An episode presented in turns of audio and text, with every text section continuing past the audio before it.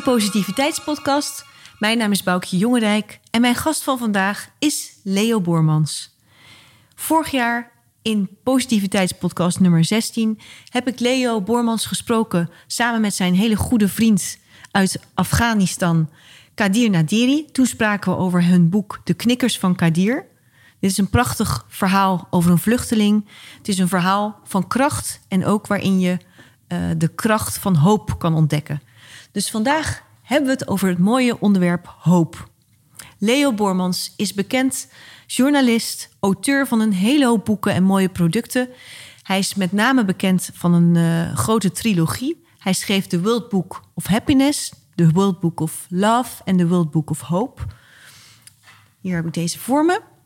In uh, deze boeken heeft hij, van, uh, heeft hij wetenschappelijk onderzoek gedaan en uh, de verhalen van zo'n 50 wetenschappers, professoren samengevat en onderzocht over die grote levensthema's van geluk, liefde en hoop. En vandaag gaan we het hebben over het mooie onderwerp hoop. Hij schreef heel recent ook nog een nieuw boekje, Hooptimisme. Een heel leuk woord. En uh, dat, daarin maakt hij eigenlijk de vertaalslag van het wetenschappelijk onderzoek naar concrete tips. Dus concrete sleutels die je kunnen uh, helpen om een hoopvol leven uh, te hebben. Ik laat je heel graag kennismaken. Hier is Leo Boermans. Goedemorgen Leo. Hallo. Heel hartelijk dank dat wij lekker hier op bezoek mogen zijn bij jou. En uh, nou, zoals je ziet, allemaal prachtige boeken van jou. Uh, groot fan. En uh, nog even voor de luisteraar. Je bent ambassadeur van levenskwaliteit en van geluk. Je hebt heel veel mooie boeken geschreven en producten gemaakt waar mensen mee aan de slag kunnen. Om de grote thema's van liefde, hoop en geluk in de praktijk te brengen. Ongeveer 27. En uh, ja, je bent ook heel, zeer bekend, omdat het ook aan wereldleiders is uh, gegeven, door het World Book of Happiness. Maar je hebt ook het The World Book of Hope en de World Book of Love gemaakt. Wij hebben vorig jaar rond deze tijd elkaar voor het eerst mogen ontmoeten, samen met uh, jouw vriend Kadir Nadiri uit Afghanistan, omdat jullie het boek De Knikkers van Kadir hadden gemaakt samen. En ja, zijn verhaal is een super krachtig verhaal van een vluchteling. Waarin hoop, het onderwerp hoop, heel erg sterk naar voren komt. En ik vind het ja, heel mooi dat we in deze tijd, aan het eind van het jaar, uh, ook over het prachtige onderwerp hoop mogen spreken. Dus, het is zonder twijfel het uh, woord van het jaar, hè? hoop. Iedereen heeft daar de mond van vol. Hè? Mm -hmm. Hoop, hoop, hoop, we hopen dit, we hopen dat.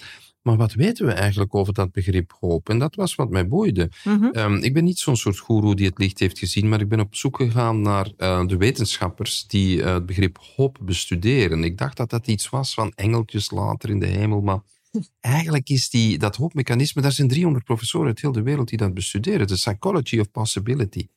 En dat te weten, dat dat onderzoek dan in kasten blijft liggen of ergens in een, uh, in een, op een internetsite staat. Mm -hmm. um, heb ik dat gebundeld in de World Book of Hope, uh, waarin onderzoekers uit 50 landen. Ja, 50 landen, ja. ja. Meestal zit dat zo een beetje in die Amerikaanse sfeer, maar als je dat kunt opentrekken naar China, Japan, uh, Afrika, Rusland, dat is niet zo gemakkelijk.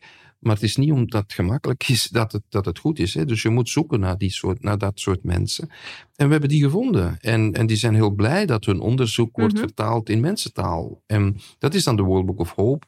Maar nu is dat, als je dan met mensen gaat spreken over hoe, hoe zetten we dat om in actie, hè? hoe gaan we in beweging komen, dan is dat voor veel mensen toch nog een moeilijke vertaalslag. En daarom heb ik dat boek Optimisme geschreven, een combinatie van hoop en optimisme, waar honderd sleutels zitten voor een hoopvol leven. Hoe doe ik dat nu in mijn ja. dagelijkse leven? En dan gaat het er niet om dat je iets moet doen. Van mij moet je helemaal niks. Nee. Maar we weten in het wetenschappelijk onderzoek dat hoop een beetje maakbaar is. Dat dat een klein beetje maakbaar is. En, we hebben daar, en, en dat heeft enorm effect op ons leven, op onze gezondheid, op ons werk, op onze relaties. Mm -hmm.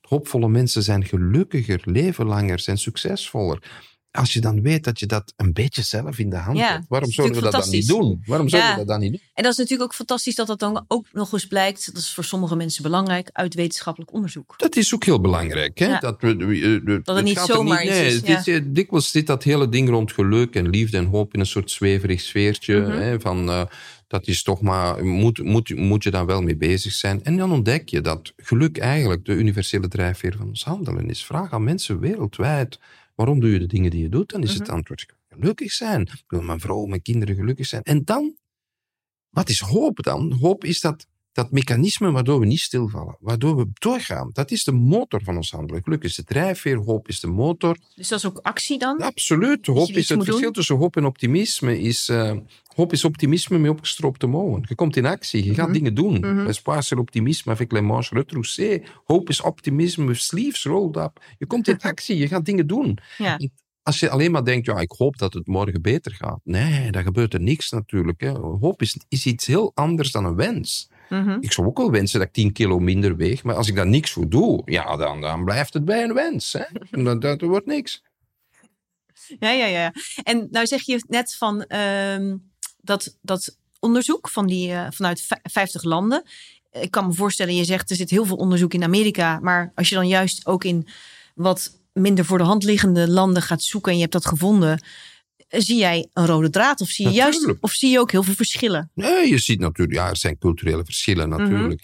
Maar wij zijn mensen. Hè. Wij zijn Mhm. mensen. En wat ons, wat ons bindt is veel sterker dan wat ons scheidt. Hè. De, de inleiding eh, van de World Book of Hope werd geschreven door Kofi Annan. Ik mocht samen met hem 800 jongeren toespreken. En ehm, ik vroeg hem ook, hoe maak je van een droom een doel? Hij zei, door een werkwoord aan toe te voegen, door in actie te komen. Je komt in beweging. En dat is nu net een belangrijk inzicht, dat je, dat je aan je dromen eh, werkwoorden kunt toevoegen, waardoor het doelen worden. En dat is nu net een van de pijlers van hoopvolle mensen, hoopvol denken. Ja, dat je, dat je dus echt de, toe tot actie gaat. Nou kan ik me ook voorstellen, ehm, in moeilijke situaties, nare situaties, dat je dan ook soms een beetje lam geslagen bent. Hè? Dat, Ja. je, dat je ehm, eh, het moeilijk vindt om van de bank af te komen of, of in een echt een nare situatie om iets te gaan doen. Dus angst, angst bijvoorbeeld is een heel eh, slechte raadgever. Angst Mhm. verlamt ons. En heel veel mensen zijn bang. Mhm. Niet alleen van het virus, ook van de toekomst, van, van, van vreemde mensen, van nieuwe ervaringen. Mensen zijn bang en we maken elkaar heel graag bang. Mhm. Nu, angst is een hele slechte raadgever om hoopvol in het leven te staan. Het tegenovergestelde van angst is hoop. Hoop is het tegenovergestelde van angst. Angst verlamt, hoop geeft ons energie. En er zijn eigenlijk geen mensen zonder hoop. Er Mhm. zijn mensen met weinig hoop Mhm. en er zijn mensen met veel hoop. Maar zelfs mensen die aan zelfdoding doen, die laten dikwijls een brief na die begint met ik hoop dat. Ja. En wat we zien is dat in heel veel onderzoek blijkt dat hoopvolle mensen gewoon gelukkiger zijn, duurzaam gelukkiger, succesvoller in studies, in wetenschap, in onderzoek, in relaties, eh, in hun gezondheid. En als je dan weet dat dat een deeltje maakbaar is, waarom Ja. zouden we dat dan niet doen? Nee, Waarom want dat is ook wel mooi. Want het zijn dus eigenlijk hele eh, positieve dingen. Dus als je het niet doet, eh, dat is gewoon jammer. En ik las in eh, dat hoofdstuk van Kofi Annan in jouw boek. Mag ik het voorlezen? Ja, ja, Want dat vond ik ook mooi. Hij, hij heeft het allereerst over dromen. Hè? En dan daar wordt, moet je dan, als je daar iets mee wil gaan doen, moet je wel in actie komen. Maar hij heeft het ook over kiezen. Leven is kiezen.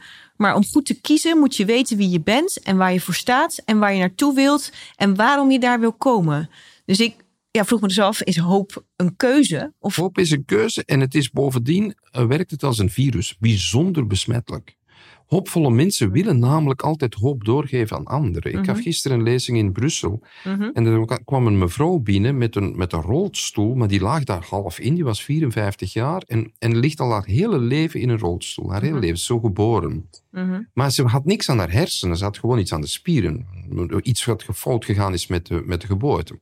Dus ze is al heel haar leven ligt die mevrouw in een rolstoel. En ze kwam naar mijn lezing over hoop. Weet je waarom? Omdat er iemand in haar zorgcentrum aan het doodgaan was. Mhm. En, en, en week na week achteruit ging. Maar ik wil hem nog één boek geven over hoop, zei ze. Ah. En daar kom ik voor. En dat is nu net wat zo mensen doen. Dan denk je, oh, die zitten, wat een ellende hebben die mensen al meegemaakt. En toch, toch, toch.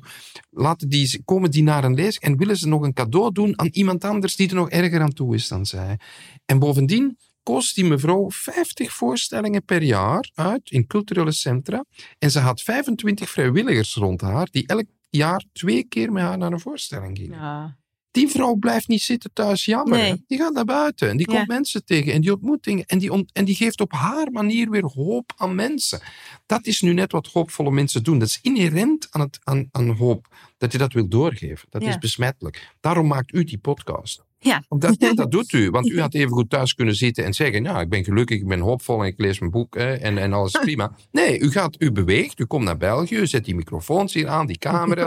en, en, en u wil andere mensen besmetten met dat ding Ja. hè, van hoop. Dat wilt u doen. Ja, samen, dat- met, eh, samen met jou. Ja, ja, maar dat is nu net wat hoopvolle mensen doen. Minder hoopvolle mensen doen dat niet. Die Mm. komen niet buiten, die, die, die, die komen niet in actie, die komen niet in beweging. Maar het zijn die kleine kringen van, van mensen. Als ik nu dat verhaal vertel van die mevrouw in die rolstoel, dat, Mhm. dat ontroert mij. Maar Ja. dat inspireert mij ook. Ja. Want wie ben ik dan om te jammer? Dat zeker, want eh, dat had ik ook heel erg toen ik Kadir had ontmoet. Ja. Hoe, hoe, hoe, hoe nederig word je dan als je iemand ziet die gewoon eh, eh, in echt, echt oorlogssituatie... Vluchtelingen worden niet gedreven door wanhoop, want dan kwamen ze niet weg. Vluchtelingen worden gedreven door hoop. Nee, maar hij is ook sterk, hij is vrolijk. Hij, eh, ja, dat, dat is gewoon heel, het is een heel sterke tool. Ja, dus dat komt ook omdat. Hoe, hoe komt dat hij overleeft? Hè? De Ja. anderen gaan dood heel dikwijls. Hè? De anderen geraken er niet. Hè? Mhm. Het zijn de hoopvolle mensen die altijd opnieuw. En natuurlijk maak je tegenslagen mee in jouw leven. Hè? Want jouw vraag ging ook over hoe gaat het dan als het heel moeilijk gaat in Ja. je leven? Het is heel gemakkelijk Ja. om te zeggen: eh, hoopvol wezen zolang het jou goed gaat. Ja.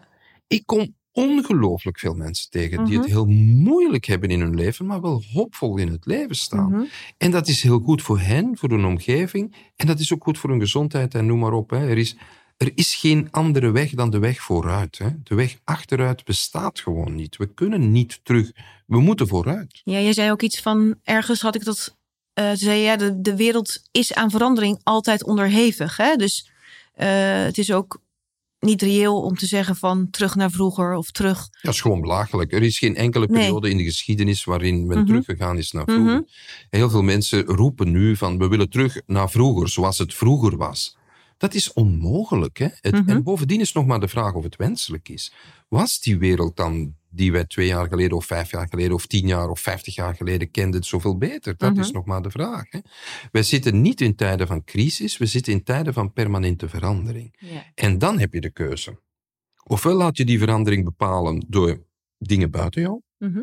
of door dingen binnen jou.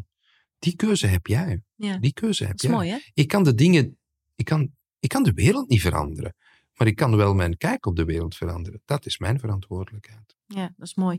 En dan vind ik ook nog daar eh, wel een belangrijk eh, item bij dat het met al die thema's voor geluk, en je zei net zelf ook al, dat kan soms ontzettend zweverig zijn. En dat is ook natuurlijk bij hoop. En daar stond, had je een hele mooie, prachtige quote, waaruit dat ook blijkt dat het niet een of andere naïeve stelling is. Er staat: hoop is niet de overtuiging dat iets goed komt, maar de zekerheid dat iets zin heeft, los van hoe het afloopt. Dus het is niet zo van, dat is ook weer dat even op de bank zitten van Ja. jongens, eh, oké, we, we kijken naar buiten en we, we, hopen maar. eh, Ja, zoals Trump ons voorhield dat de, de magic stick alles ging oplossen. Hè? Met een toverstaf komt alles wel goed. Wel, dat is niet zo. Hè? nee. Het is niet... Hoop heeft niks te maken met, met de afloop der dingen. Het kan. We gaan allemaal dood. Hè? Ja, Voor alle duidelijkheid. Ja. Dood. Hè? Dat, is, dat is de enige zekerheid die, we we, hebben. En dan heb jij de keuze, hoe wil jij doodgaan? Als die old grumpy, die, die zit te mopperen in zijn zetel. Of is dat iemand die positief in het leven staat? Die Mhm. keuze hebben wij. Hè? mhm. En dat gaat niet over hoe het afloopt. Het gaat over hoe zingevend de dingen zijn. Ik denk dat twee belangrijke woorden in de toekomst gaan opduiken. Hè. Eén is hoop. Mhm. Wat is dat precies? Hè? We, hebben dat, we wisten daar niet zo heel veel over. En we voelen nu dat dat iets is waar we goed moeten over nadenken. Mhm. En het tweede woord dat cruciaal gaat worden in de toekomst is het woord zingeving. Mhm. Zingeving, betekenis.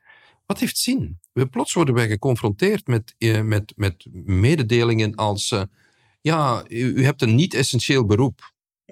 Ja, je moet dus 25 jaar een beroep doen waarvan dan plots blijkt dat dat een niet-essentieel beroep is. Het is niet leuk. Nee. je, doet al, je gaat al 25 jaar met die auto naar de file in Amsterdam, naar Amsterdam en dan stel je vast dat dat een niet-essentiële verplaatsing is. En je doet die al 20 jaar, niet-essentiële verplaatsingen.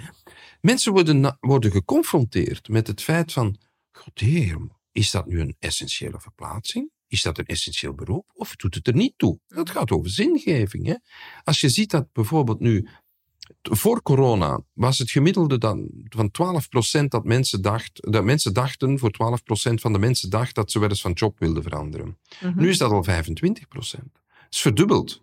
Mensen zijn plots gaan nadenken over, wil ik niet een andere job? Niet omdat dat zo'n slechte job is, maar omdat ze er vroeger gewoon niet over nadachten. Dus je wordt nu geconfronteerd met, wil ik die job wel? Is dat zingevend? Is dat, is dat essentieel in mijn leven? Mhm. Waarom doe ik mee aan die red race van het leven? Als ik, wat ben ik met twaalf paar schoenen als ik niet buiten mag om te gaan wandelen? Dan Ja. is één paar schoenen goed genoeg. Hè? Ja. Dus ja, we, we, zijn, we zijn dolgedraaid. En, Mhm. en, en dit, deze, deze periode geeft ons de kans, niet om te denken dat we heel snel vooruit moeten of terug achteruit, maar om eens even stil te staan, om te reflecteren. Mhm. Maar heel veel mensen worden daar heel onrustig van, van te reflecteren, eh, van stil te staan. En andere mensen vinden daardoor zingeving. Misschien zullen we het met een beetje minder moeten doen. Mhm. Maar wat is daar mis mee? Waarom? Wat, wat, wat, ik, ik, kom zoveel mensen tegen die ook niet gelukkiger geworden zijn van die Tesla voor de deur. Hè? Ze Mhm. zijn daar niet gelukkiger van geworden. En nogthans was dat waar ze zo hard voor gewerkt hebben. Ja, daar zit, eh, daar zit een hoop in. En ehm, als je dan kijkt naar ehm, hoe pak je het op, want dat is dan ook nog even iets van hoop. En je hebt het moeilijk. Je hebt in je boekje Optimisme 100 sleutels voor een hoopvol leven. Eh, als ik het goed begrijp, heb jij eh, drie keer 30 eh, sleutels gemaakt. Ehm, specifieke sleutels. En je hebt nog 10 sleutels aan het eind van het boek Ja. die wat meer algemeen van toepassing zijn. Ehm, je hebt een heel aantal eh, vragen in het boek gezet. Eh, dat zijn ook vragen, als je ze zo, zo leest, denk ik dat iedereen op een heel aantal vragen wel voor zichzelf antwoord zou willen vinden. Ja. Ik denk, heb jij dat gedaan om het eh, makkelijk toepasbaar te maken? Of- Ja, ik kom gewoon heel veel Ja. onder de mensen. En de mensen Mhm. zeggen mij, ik word er gek van, het komt nooit meer goed, Ja. er is toch geen hoop meer, ik zie alleen maar ellende. Ja. Soms ben ik zo moedeloos, het is nooit goed, ik vind nergens rust, ik heb geen energie meer, het is me te veel. En dan ga ik van daaruit vertrekken om te Ja. kijken, wat kan ik nu betekenen voor mensen die het eh, die dit soort dingen zeggen. Hè? Ik heb Mhm. geen doel in mijn leven, ik heb altijd pech. Hè? Ik denk dat ik het niet kan. Eh, Ja. Hoe houd ik dat vol? Ik geloof er niet meer in. Soms wil ik het gewoon opgeven. Dat zijn dan ook de titels van die hoofdstukken Ja. geworden. Ik, stond, ik stond deze week bij de bakker op, op, op vrijdagavond. Mhm. En er stond een mevrouw voor mij, het was vijf uur.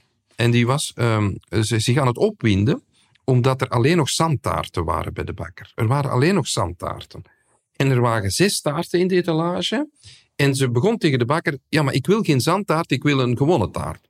Ja, heb ik niet meer, zei de bakker. Het is morgen vroeg, heb ik die weer. Hè. En die kersentaart daar? Ja, nee, die kersentaart is ook zandtaart, ja. En, en die chocoladetaart dan? Ja, die chocoladetaart is ook zandtaart, ja. ja. Dus je hebt helemaal geen eh, andere taarten meer dan zandtaarten.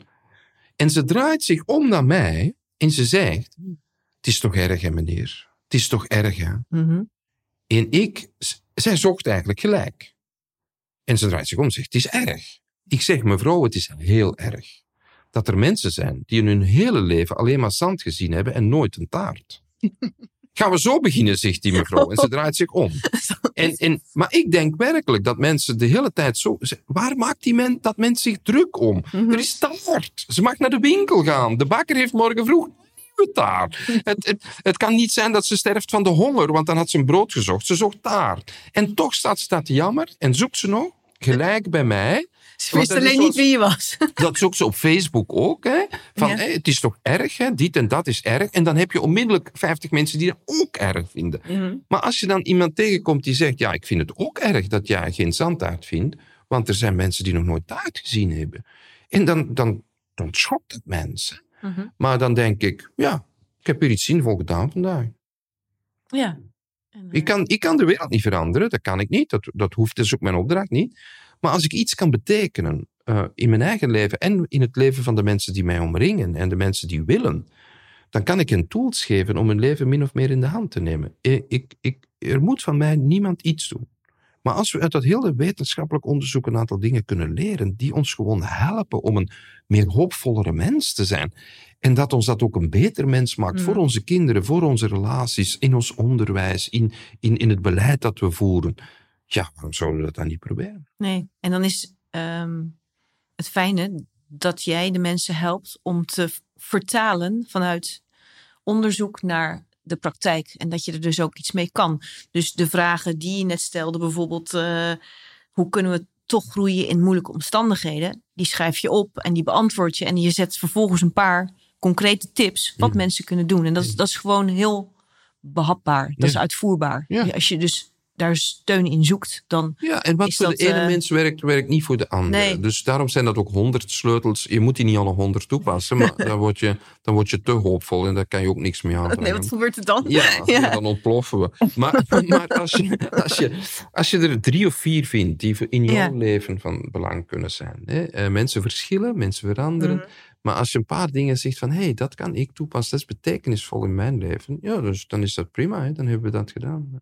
Heb je nou zelf van, eh, van al die tips, als, je, als mensen echt eh er doorheen zitten, aan het begin zitten van eh, nog niet zien waar het heen moet, ehm, dat je uit die hele verzameling van zoveel mooie sleutels, dat je zegt, nou, als je bij wijze van spreken die één of twee, drie pakt, dan ben je al een heel eh, moet je dan kijken naar, kijk, je zegt terecht, hè, het is voor elk mens specifiek, hè, want ik praat nu heel erg in zijn algemeenheid. Ja. En het is heel erg afhankelijk van wat er aan de hand is. Ja. Of hoe, hoe ver iemand al is. Of, Ja. of, of, maar is er...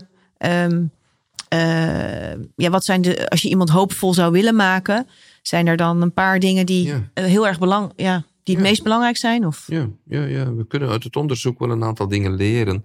Ehm, natuurlijk is het altijd moeilijk om, om duizenden bladzijden onderzoek samen te vatten in drie woorden. Maar als we de drie woorden moeten kiezen die met hoop te maken hebben, Mhm. eh, dan zijn de drie basisbegrippen van hoop eh, goal setting, pathway thinking, agency. In het Nederlands wil dat zeggen doelen stellen. Mhm.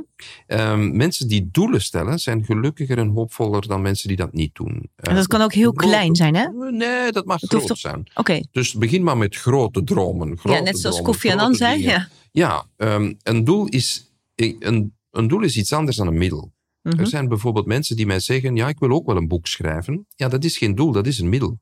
Mhm. Als iemand zegt, ik wil een wereldreis maken, dat is geen doel, dat is een middel. Mhm. Eh, als iemand zegt, ik wil 10 kilo afvallen, dat is een doel, maar geen middel. En wat is het doel? Dat is een middel, maar geen doel. En Wat, het, het doel kan zijn, een doel is groter. Een doel kan zijn bijvoorbeeld, ehm, ik, wil een, een, ik wil gezond en lang leven. Dus bij die Dat laatste, van ik wil afvallen is het middel. Ja, en dan ik is, het- maar dan kan, je, dan kan je afvallen. Je kan Ja. stoppen met roken. Je kan stoppen Ja. met. eh, je kan eh, minder eh, zout eten. Je kan meer bewegen. Dat zijn allemaal dingen die, ehm, die middelen zijn om een doel te bereiken. Ja. Maar afvallen is geen doel. Dat is een middel om een gezond en lang leven te leiden. Als iemand zegt: Ik wil een avontuurlijk leven leiden, dat is een doel. Ja. En dan kan je zeggen: Een wereldreis Past is, daarbij. is een middel. Mhm. Maar tegen je Marokkaanse buurman spreken is ook een middel om een avontuurlijk leven te Ja, leiden. dat vind ik ook mooi. En als je naar een vluchtelingenkamp gaat, dan is de wereld daar. Ja, Dan dus is het de is heel wereld daar. dichtbij Je moet eigenlijk. helemaal niet naar Syrië. Dat Syrië Ja. is hier. Ja. Dus, eh, maar dat, dan zeggen mensen, oh, maar dat is, dat is net- net het verschil tussen een doel en een middel. Een, een, een boek schrijven is geen doel. Als iemand mij zegt, ik wil een boek schrijven, dan denk ik, waarom wil je dat boek eigenlijk schrijven? Hmm. En dan zijn er vele doelen. Ik wil beroemd zijn. Of ik wil mijn emotie uiten. Of ik wil rijk worden. Of zoiets, weet ik ik, wil bijdragen. Of ik wil een bijdrage ja. leveren aan, aan, aan, de, aan de wereld. Maar dan zijn er vele middelen om dat te Ja. realiseren. Dan dat hoeft is niet per se met een boek. Ah nee, als je zegt ik wil mijn emoties uitdrukken. Hè, ja, begin dan al eens met een gedicht te schrijven voor, voor je partner. Hè, dat is emoties uitdrukken. Dus je kan, als je daarover nadenkt, wat het verschil is tussen een doel en een middel, dan kom je al heel ver. Mhm. En een doel is ook geen wens. Een wens is ook iets anders. Hè. Een wens, daar doe je helemaal niks voor. Hè. Ik wens dat ik gezond blijf. Ja. Ja, ik wens dat ik lang kan leven. Eh, ah, en wat doe je daarvoor? Niks, hè? Ik wens, ik, ik wens dat ik de lotto win, maar ik koop nooit een lotje. Ja, ja dan, dan, dan, dan het is belachelijk gewoon. Dus een worden. doel is iets anders dan een middel. Een doel is iets anders dan een wens. Een doel mag best groot zijn, heel groot. En dan kan je dat opdelen in kleine doelen, hè, die behapbaarder worden. De, de tweede pijler van hoop is eh, wegen vinden om doelen te bereiken. Pathway thinking, coping strategies. Hè. Je hebt je grote doelen en dan heb je mensen die wegen vinden om doelen te bereiken. Heel veel mensen hebben maar één weg om een doel te bereiken. Mhm. Hebben namelijk in hun leven iets geleerd. Als er een obstakel komt, dan Mhm. ga ik beginnen wenen en dan, dan is er iemand die mij troost. Ja. Of er is een obstakel en ik, ga, ik word heel agressief. Ja. En dan eh, kan ik het oplossen. Of er is een obstakel, ik, verstop mij, ik verberg.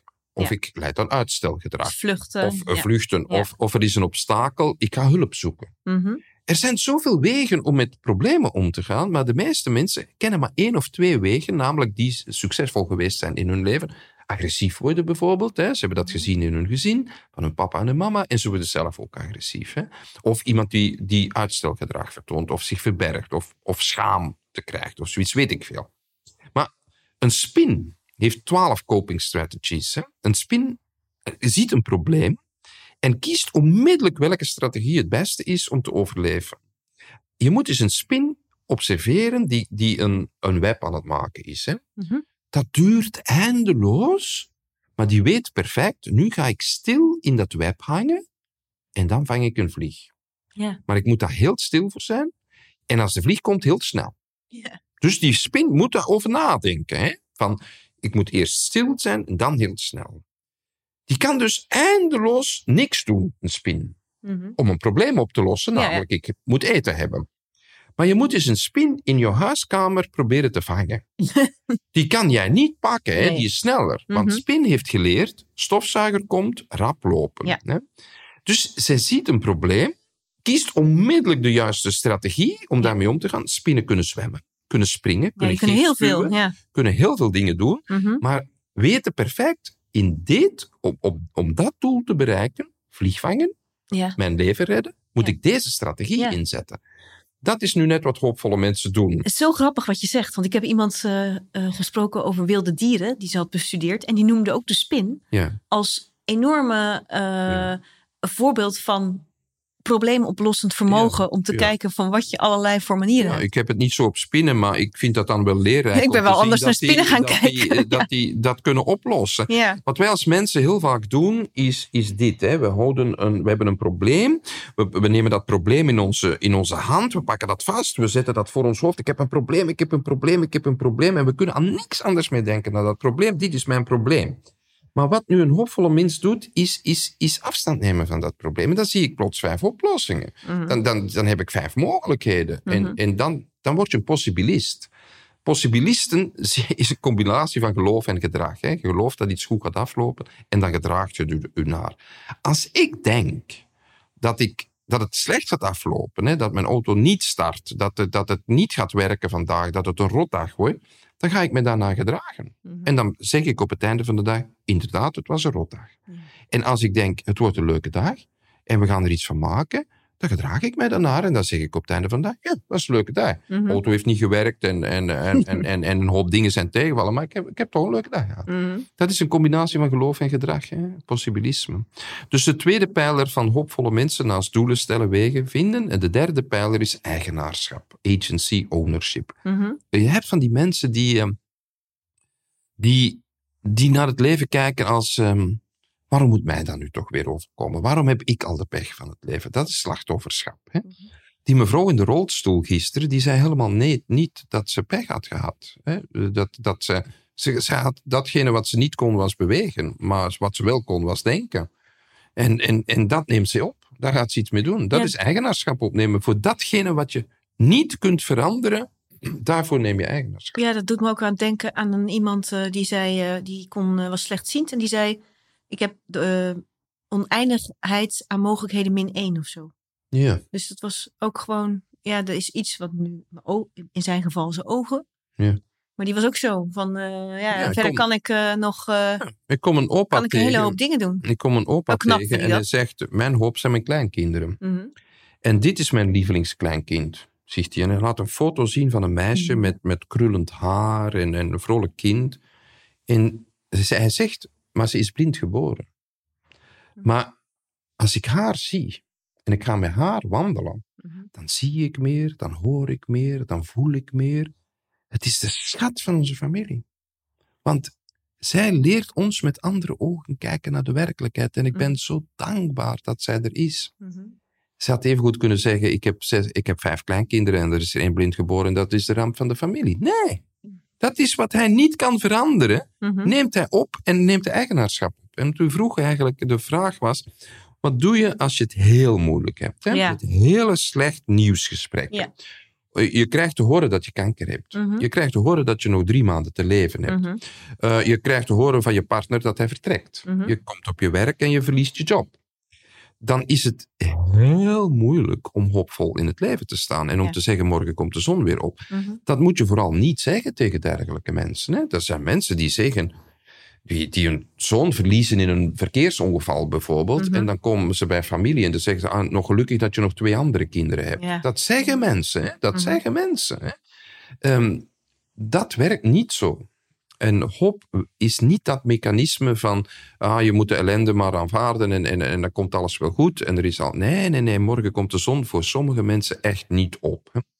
Wat ik geleerd heb in het wetenschappelijk onderzoek naar hoop, is dat er twee grote assen zijn waarop je kan reageren. Dat is een schema dat eh, gaat over eh, acceptance en perceived control. In mensentaal wil dat zeggen, je wordt geconfronteerd met een bijzonder dramatische situatie. Mhm. En dan heb je de mogelijkheid, accepteer ik dit of accepteer ik dit niet? Mhm. Mijn partner heeft zelfmoord gepleegd. Accepteer ik dit of accepteer ik dit niet? Mhm. Ehm, dat is één ding. Wat je niet kunt veranderen, moet je accepteren. Om door te De partner is dood. Daar is, dat is erg om te zeggen, maar het is zo. Word ik daar vrolijk van? Nee. Eh, is dat meteen opgelost morgen? Nee. Maar ik zal moeten leren in mijn leven te accepteren wat ik niet kan veranderen. Dat is één as. Want je Dat is hebt, de geen, eh, horizontale as. je hebt er geen invloed op. Ik heb daar geen invloed Is op. dat ook iets van de, ik weet niet of dat hetzelfde is, de cirkel van invloed? Of eh, is Ja, en het tweede ding is, Mhm. wat kan ik nog controleren? Wat is de perceived control? Wat heb ik Mhm. wel in de hand? Hè? Ehm, ehm, en dat heeft te maken met te zoeken in jouw leven naar iets waar je toch trots op kunt zijn. Naar iets van eigenwaarde. Mhm. Ik ontmoette onlangs een mevrouw die haar partner had eh, zelfmoord gepleegd, drie jaar geleden. Mhm. Heel dramatische omstandigheden. En ehm, ze zei, het eerste jaar heb ik zelf drie keer op de brug gestaan om zelf te springen. Omdat ik echt geen uitweg meer zag. Mhm. En ik had nog twee kinderen en dan heb ik gezegd, ja, ik ga toch nog een jaar, nog een jaar blijven leven voor de kinderen. Want ze hebben hun papa al verloren, nu ga ik... eh, Mhm. ze moeten de mama ook niet verliezen. Maar ik geef mezelf een jaar. En wat ben ik blij dat ik dat jaar genomen heb, zei ze. Wat ben ik blij dat ik dat jaar genomen heb, dat ik niet gesprongen ben. Want nu, eerlijk gezegd, na drie jaar, het is erg om te zeggen, maar eigenlijk ben ik gelukkiger dan drie jaar voordien.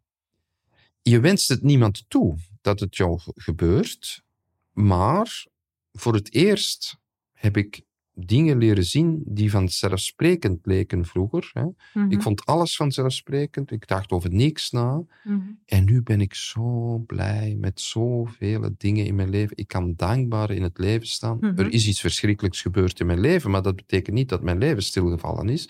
Ik heb nog iets ontdekt in mijn leven. Ik heb nieuwe mensen leren kennen. Ik heb ook vriendschappen verloren.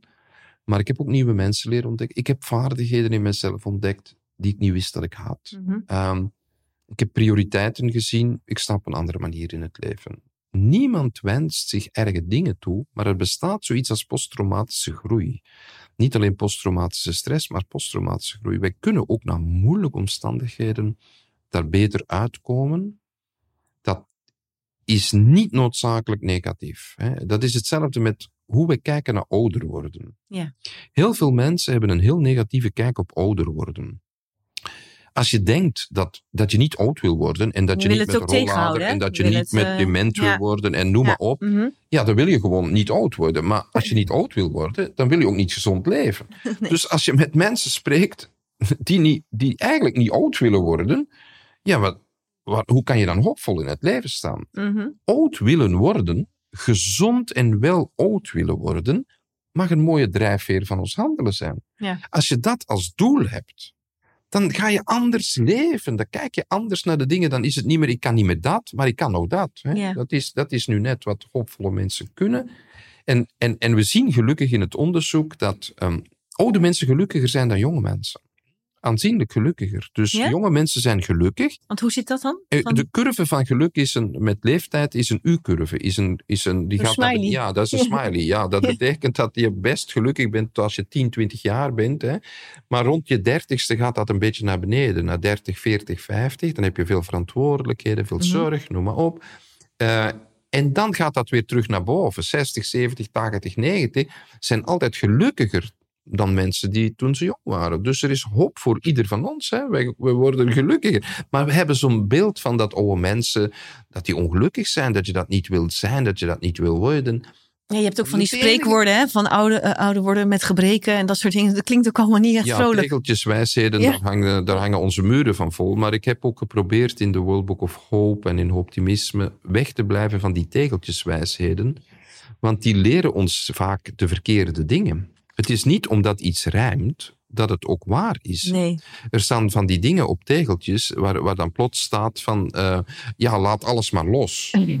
Ja, maar als je met de fiets rijdt, is mm, alles loslaten niet zo'n goed idee. Nee, niet zo goed. Maar ik heb toch wel even jezelf ook om een tegeltje gevraagd. En Ja, die ja, die ja, was ja, wel ik goed. vind dat heel leuk dat je dat eh, doet met die tegeltjes. Ik vind dat echt eh, heel, heel, heel goed, omdat je... Jouw tegeltje is heel mooi. Maar men, ja, het, het, de te- als je vraagt aan mensen wat is jouw tegeltje, dan is dat ook iets als een soort motto dat je, dat je houdt in jouw leven. En dat je ook als drijfveer gebruikt. Hè? Eh, Iets wat jou moed geeft, iets wat jou hoop geeft. Ja, hè? Dat zijn meestal die Je dingen. hebt hoop is de. Even kijken hoor. Wat had je nou? Hoop is de richting. Nee, nee, wacht, dan zeg ik het verkeerd. Hoop, ja, hoop. wel, Wacht hoe even, is het? ja, het, het, het, het, het, het, zien het, hoop, ehm, optimisme is de richting. Ja, en de motor is. En de eh, motor is hoop. ja, Dat is het ding, ja. precies. Ja. Maar dat vind ik wel een mooi tegeltje. Ja, ja, ja. Misschien een aantal van die ouderdom, ouderdomstegeltjes niet, de maar deze wel. Ja, en. En, en, en, en, en hoop is die motor. Hè. Je moet die dus voeden. Je moet daar zuurstof aan geven. Je moet daar brandstof aan geven. Anders ehm, smult dat maar wat. Ja, en wat je nu vertelt over deze drie pijlers, dat geldt voor iedereen, ook voor kinderen? Of is daar nog iets voor kinderen specifiek?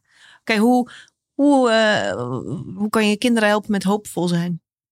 Ja, ik heb drie boeken gemaakt Ja. eh, voor kinderen. Geluk voor kinderen. Hè. En, Ja. ehm, en ook dat zijn eigenlijk voorbeelden van positieve interventies. Hoe vertalen we het wetenschappelijk onderzoek naar hoop eh, of geluk of liefde voor kinderen? Mhm. En ook die boeken, want die- die- de World Book of Hope en, en Love en, en Happiness is in meer dan twintig talen vertaald. Maar ook Geluk voor Kinderen is in het Chinees, en het Russisch en het Koreaans vertaald. Dat betekent dat Chinese kinderen op dit moment met die tien pijlers van geluk aan de slag zijn. Ik weet niet hoe... Zijn die namen ook eh, hetzelfde? ja, die, van de die- Die, vogels? Chinese namen, ik, ik snap daar niks van, maar ik hoop dat ze het goed vertaald hebben. Eh, en, en dan denk je, ja, ik zie de kinderen bezig met, ook in China, in Rusland en, en, en, en, en in Spanje, bezig met te kijken, hoe stel ik doelen in mijn leven? Mhm. Hoe ga ik warme relaties aan met mensen? Hoe blijf ik leergierig? Hoe blijf ik dingen ontdekken? Hoe, hoe vind ik altijd nieuwe wegen om met problemen om te gaan? Ja. Hoe, ehm, en, en die boeken zijn dus opgehangen aan vogels. Hè? En Ja. vogels, ehm, die vogels, vogels die, die ook werkelijk dat gedrag die die vertonen. eigenschappen die, hebben. eigen, ja. die eigenschap Mhm. hebben. Mhm. Waardoor ja, die boeken, in, in, in die boeken gaan plots niet vogels zitten breien of, of, of, of, of in een luchtballon stappen of zoiets, wat je in heel veel kinderboeken ziet. Mhm. Niks mis mee, maar um, ik heb, ik heb mij gebaseerd op, wat, op het echte gedrag van vogels. Er zijn vogels die, die ondersteboven tegen een boom kruipen. hè. En Ja. dat is een prachtig voorbeeld van omdenken. Oh ja, Er zijn, er zijn vogels die een nest maken met het gat van onder in plaats van van boven. Dat, die- dat moet ik niet bedenken. De wereld, de Dat is al zo, hè? is ja, zo. dat is gaaf. En ik heb dan dat gekoppeld aan het gedrag van die vogels. En dat zorgt ervoor dat dat ook een beetje als realistisch Echt leuk, overkomt. ja. Ik, ik maak geen boeken over prinsen en prinsessen. Want als je dan weet dat als je aan kinderen vraagt tegenwoordig wat ze later willen worden, dan antwoorden ze twee dingen. Eén, beroemd worden. Of een prins of een prinses worden. nu, dat zijn twee dingen die je totaal niet in de hand hebt. Nee. Eh, beroemd worden is maar aan een aantal mensen eh weggelegd. Is voor een aantal mensen weggelegd. Ja. En bovendien word je daar echt niet gelukkig van, eh, van beroemd worden. Dat moet je maar in, met al die interviews lezen met die mensen die beroemd zijn. Ja. Tweede is, ik wil prins of prinses worden. Daar worden al die filmen en zo verder over gemaakt voor die kinderen. Nu, als je iets niet kunt worden in jouw leven, dan is het prins of prinses. Dan word, je wordt geboren als een prins of een prinses, maar je kan dat niet worden. Je kan niet studeren voor prins of prinses. Je kan daar geen stappen naar zetten. Dat lukt niet. Dus waar, met welk soort beeld zadelen wij kinderen eigenlijk op? Met dingen die ze nooit kunnen bereiken. Terwijl een, een, een nest ondersteboven maken, dat kan eigenlijk iedereen. Achteruit lopen kan iedereen. Mhm. Op een andere manier naar de werkelijkheid Maar kijken kan iedereen. Ja, eigenlijk... Nieuwsgierig blijven, leergierig blijven. We zien in het onderzoek dat in onze hersenen iets gebeurt als we gelukkig zijn. Dat heeft ook iets te maken met leren, met groeien, groeien. Dus als je leert, bijleert, groeit, dat, dat heeft iets soortgelijks in onze hersenen als, als geluk. Dus als we dat weten, dat je dus leergierig blijft, dingen blijft ontdekken. Mhm. Eh, er, er zat laatst een- in een lezing van mij een mevrouw, die was al in de negentig jaar. En die schreef alles op wat ik zei. En ik ging daar nadien naartoe en ik zeg, waarom schrijf je nu echt alles op? Hè? En ze zei, oh, ik leer zo graag bij meneer. En ze was Wat leuk. 92 jaar. Ja, heerlijk toch? En, en, ja. en zij zit dan dingen op te schrijven. En terwijl andere mensen op hun gsm zitten te tokkelen eh, en niet horen wat ik zeg. ja, dan denk je, ja, er is een reden waarom een vrouw 92 jaar en gelukkig is. En jij op dat toestel zit te tokkelen en ongelukkig bent. Hè? Maar dat heb ik niet in de hand. Ik kan niet die toestellen uit hun handen trekken. Al zou ik het soms Nee. graag willen doen. Maar dat is eigenlijk dan ook met kinderen, wat je net van de spin zei. Kijk naar de natuur en dan is het ook realistisch. En dat Ja. is ook dan in die boeken ook gewoon. Wat je eh, met de te- natuur, wat ja, we met de natuur gezien hebben, ook in corona, hebben mensen meer oog gekregen Ja. voor de natuur. Ze zijn gaan wandelen. Er zijn mensen die zeggen, ik heb voor het eerst weer krokussen in mijn tuin zien. Vroeger dacht ik, ja, die krokussen staan daar, maar waar zijn die vandaan gekomen? En nu heb ik ze zien, zien komen elke dag, want ik zat elke dag in die tuin te kijken. Mhm. Mensen die verbonden zijn met de natuur, zijn hoopvoller dan mensen die dat niet zijn. Ja? We zien bijvoorbeeld een groot onderzoek naar kinderen ehm, die een schooltuin hebben Ja, die hebben betere resultaten en zijn hoopvoller dan kinderen die geen schooltuin hebben. Wat zie Oh. je in een schooltuin? Dat je dingen moet zaaien, planten, dat dat tijd kost, dat, dat een sla niet groeit van de ene dag op de andere, dat je daar water moet aan geven, dat je dat zonlicht moet geven. Als je dat leert van jongs af aan, hè, dat dingen moeite kosten.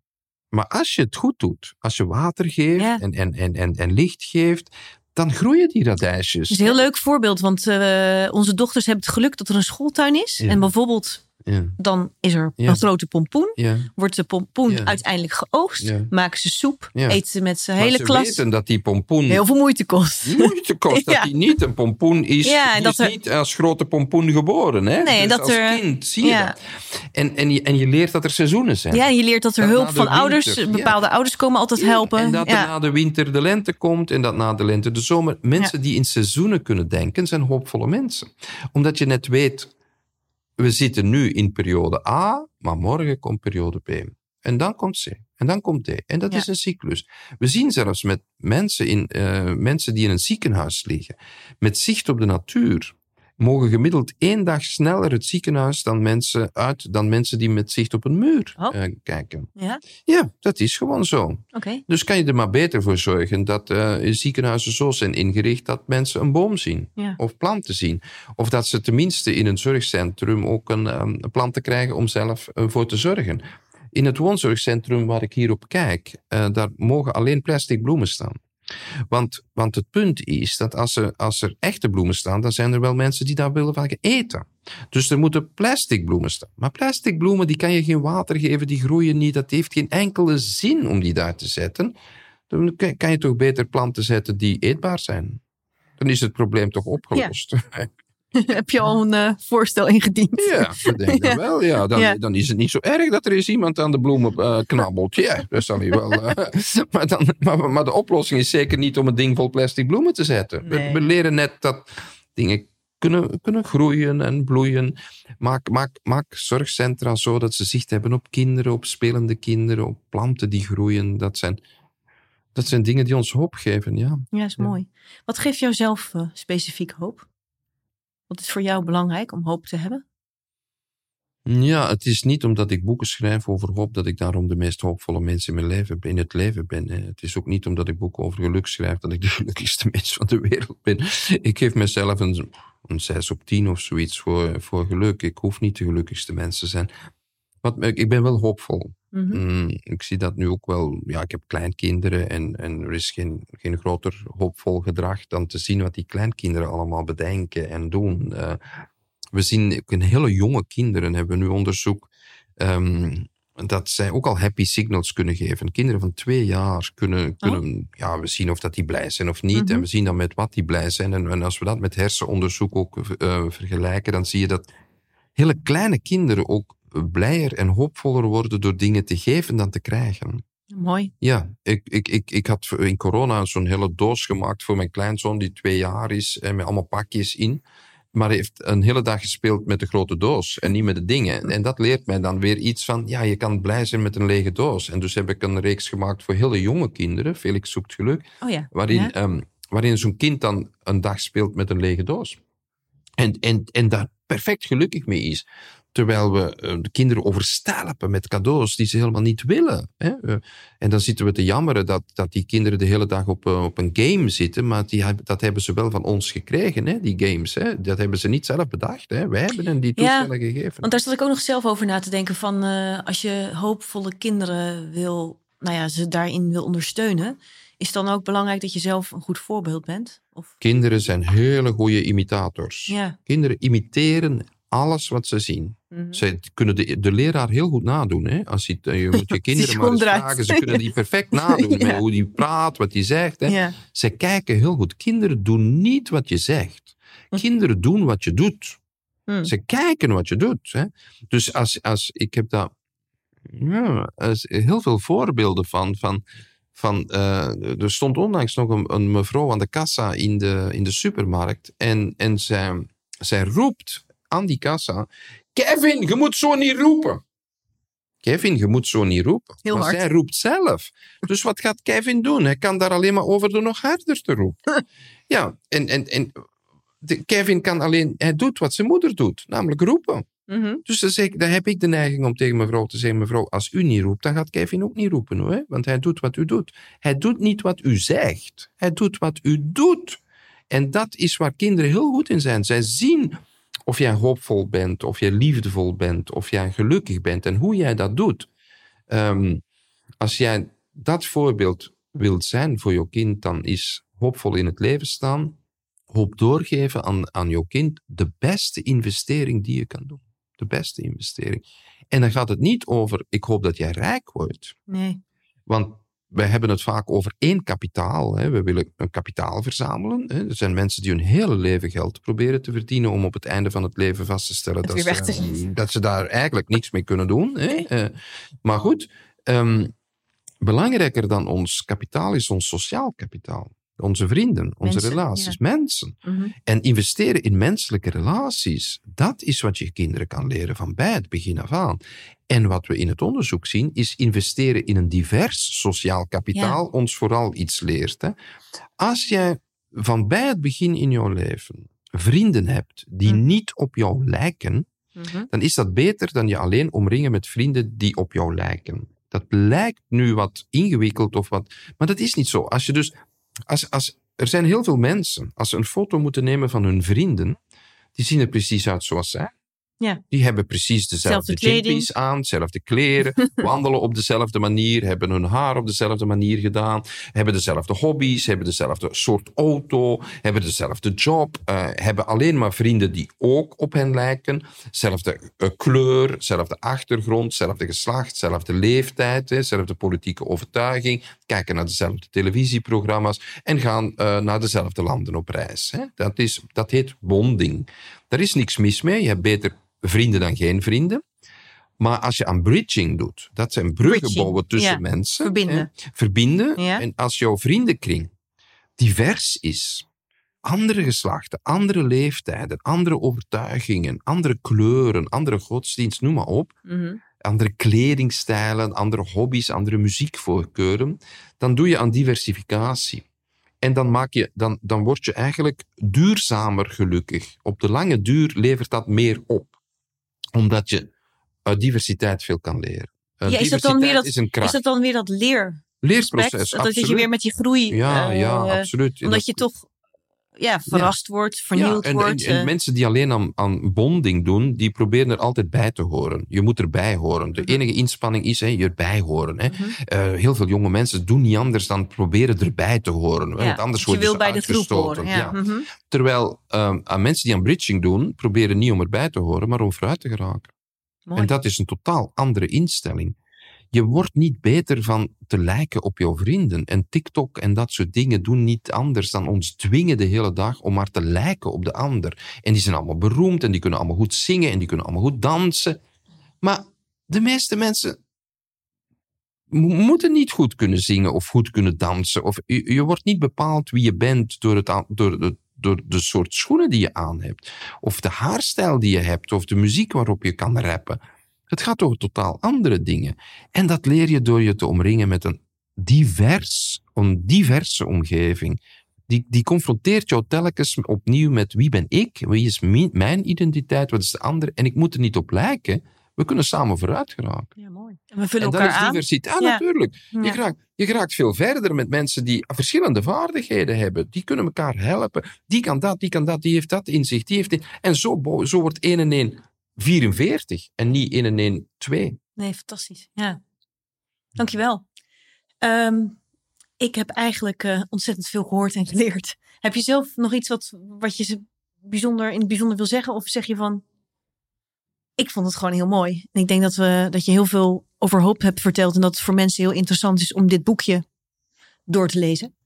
Heb je nog een iets Ja, ze moeten je het vooral niet lezen, maar er iets mee doen. ja, toepassen? Hè? En ik weet ook dat ik aardig rond een aantal vragen van jou ben gedanst als zijnde, wat maakt jou nu zelf hoopvol? Hm. En, eh, ehm, wat mij zelf hoopvol stemt, is ehm, waar mensen toe in staat zijn. Ondanks alles. Een enorme kracht die in Veerkracht, mensen... Een kracht, ongelooflijke Ja, kracht. Hè, die ja. je telkens opnieuw ziet hè, hoe mensen in staat zijn om elkaar te helpen. Om iets goeds voor elkaar te doen. Om vrijwilligerswerk te doen. Dat ontroert mij elke dag opnieuw. En dat geeft mij hoop om Ja. zelf ook iets goeds te doen. Ja, en en op het einde van de ja. dag te kunnen zeggen... Ja, het was... eh, het heeft een beetje geregend en de zon heeft een beetje geschenen. Maar het was de moeite waard om, om dankbaar te zijn voor de dag die voorbij is. Ik heb het woord genieten. Daar krijg ik eh, een beetje eczema van. eh, omdat iedereen de hele tijd maar zegt, ja, je moet maar genieten en genieten. En dan zet iemand weer een, een Facebook, op Facebook weer een nieuwe, eh, ergens een Cuba Libre op een terrasje. En dan staat daar weer onder, ja, geniet er maar van. Genieten. Ik weet eigenlijk niet wat dat is, genieten. En ik ben de voorbije dagen echt op zoek geweest naar een synoniem voor genieten. En ik denk dat daar het woord dankbaarheid moet inkomen, in genieten. Dus ik probeer nu het woord genieten te vervangen door dankbaar Ja, ervaren. Heel sterk is dankbaar dat, ervaren. Ja.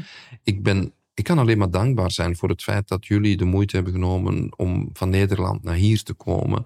En eh, te luisteren naar de blablabla bla, bla die ik te vertellen heb, dat geeft mij het gevoel dat ik interessant ben en dat ik iets zingevend te zeggen heb. En dan ga ik weer fluitend naar huis. Eh, ik ben dankbaar voor, voor de ervaring. En een ervaring is iets anders dan een feit. Een ervaring is iets wat met een emotie te maken heeft, wat met een verhaal te maken heeft. En in de mate dat we erin slagen om ons leven te bekijken als, eh, niet als een aaneenschakeling van feiten, maar als een aaneenschakeling van gevoelens, verhalen, herinneringen, Mhm. ontmoetingen, Ervaringen. eh, kennis, Mhm. inzicht, wijsheid. Daar kan je toch alleen maar dankbaar voor zijn, in plaats van mij op te winden over het feit dat er van de zes taarten die in de winkel liggen alleen maar zandtaarten zijn. Dan denk ik, hoe dankbaar kan ik zijn voor het leven dat wij mogen leiden? En hoe dankbaar kan ik zijn dat we daar een ervaring van kunnen maken die ook andere mensen kan helpen. Hè? Feeling, do, feeling good while doing good. Ja. ja, dat is mooi. Waarin je kan zeggen, ik voel me een beetje goed. Hè? Het is leuk, het leven is leuk, maar het leven is niet alle dagen feest. Hè? Dat hoeft ook helemaal niet. Ik heb iets zinvol gedaan in mijn leven. Ik heb iets betekenisvol gedaan voor andere mensen. En dat kan dan zijn dat je gewoon uh, eens geluisterd hebt naar iemand. Het grootste cadeau dat je iemand kan doen, is luisteren naar iemand. Zonder oordeel. Zonder oordeel luisteren. En als zo'n podcast, uh, als die van jullie daartoe kan bijdragen, dat je mensen stimuleert om te luisteren, nog eens te luisteren, nog eens te luisteren, zonder oordeel. Dat wens je toch iedereen toe, dat je op die manier met mensen kunt omgaan die dankbaar in het leven staan en bereid zijn om zonder oordeel te luisteren. Heel mooi. ik uh, ben heel erg dankbaar dat wij uh, elkaar hebben ontmoet vandaag. Dankjewel. Beste luisteraar, bedankt voor het luisteren naar deze podcast. En Leo, heel hartelijk bedankt dat we jou in je geboorteplaats Leopoldsburg mochten opzoeken en jou mochten spreken, je fijne verhalen mochten horen en daarna nog een hele leuke stadswandeling hebben gemaakt. Um, je hebt ons ook een, uh, ja, hoop is een, een thema van alle tijden. Misschien in deze tijden nog extra nodig, zeker ook aan het einde van het jaar. En je hebt ons ook een hele mooie spreuk meegegeven. Hoop is de motor, optimisme de richting. Wil je meer van Leo Bormans weten? Dan kan je zijn website bezoeken. Dat is www.leobormans.be van België. En het is ook erg leuk om dit mooie boekje met alle tools die je kunnen helpen om een hoopvol leven te hebben te lezen. Hartelijk bedankt weer. Tot over twee weken en graag tot ziens. Dag!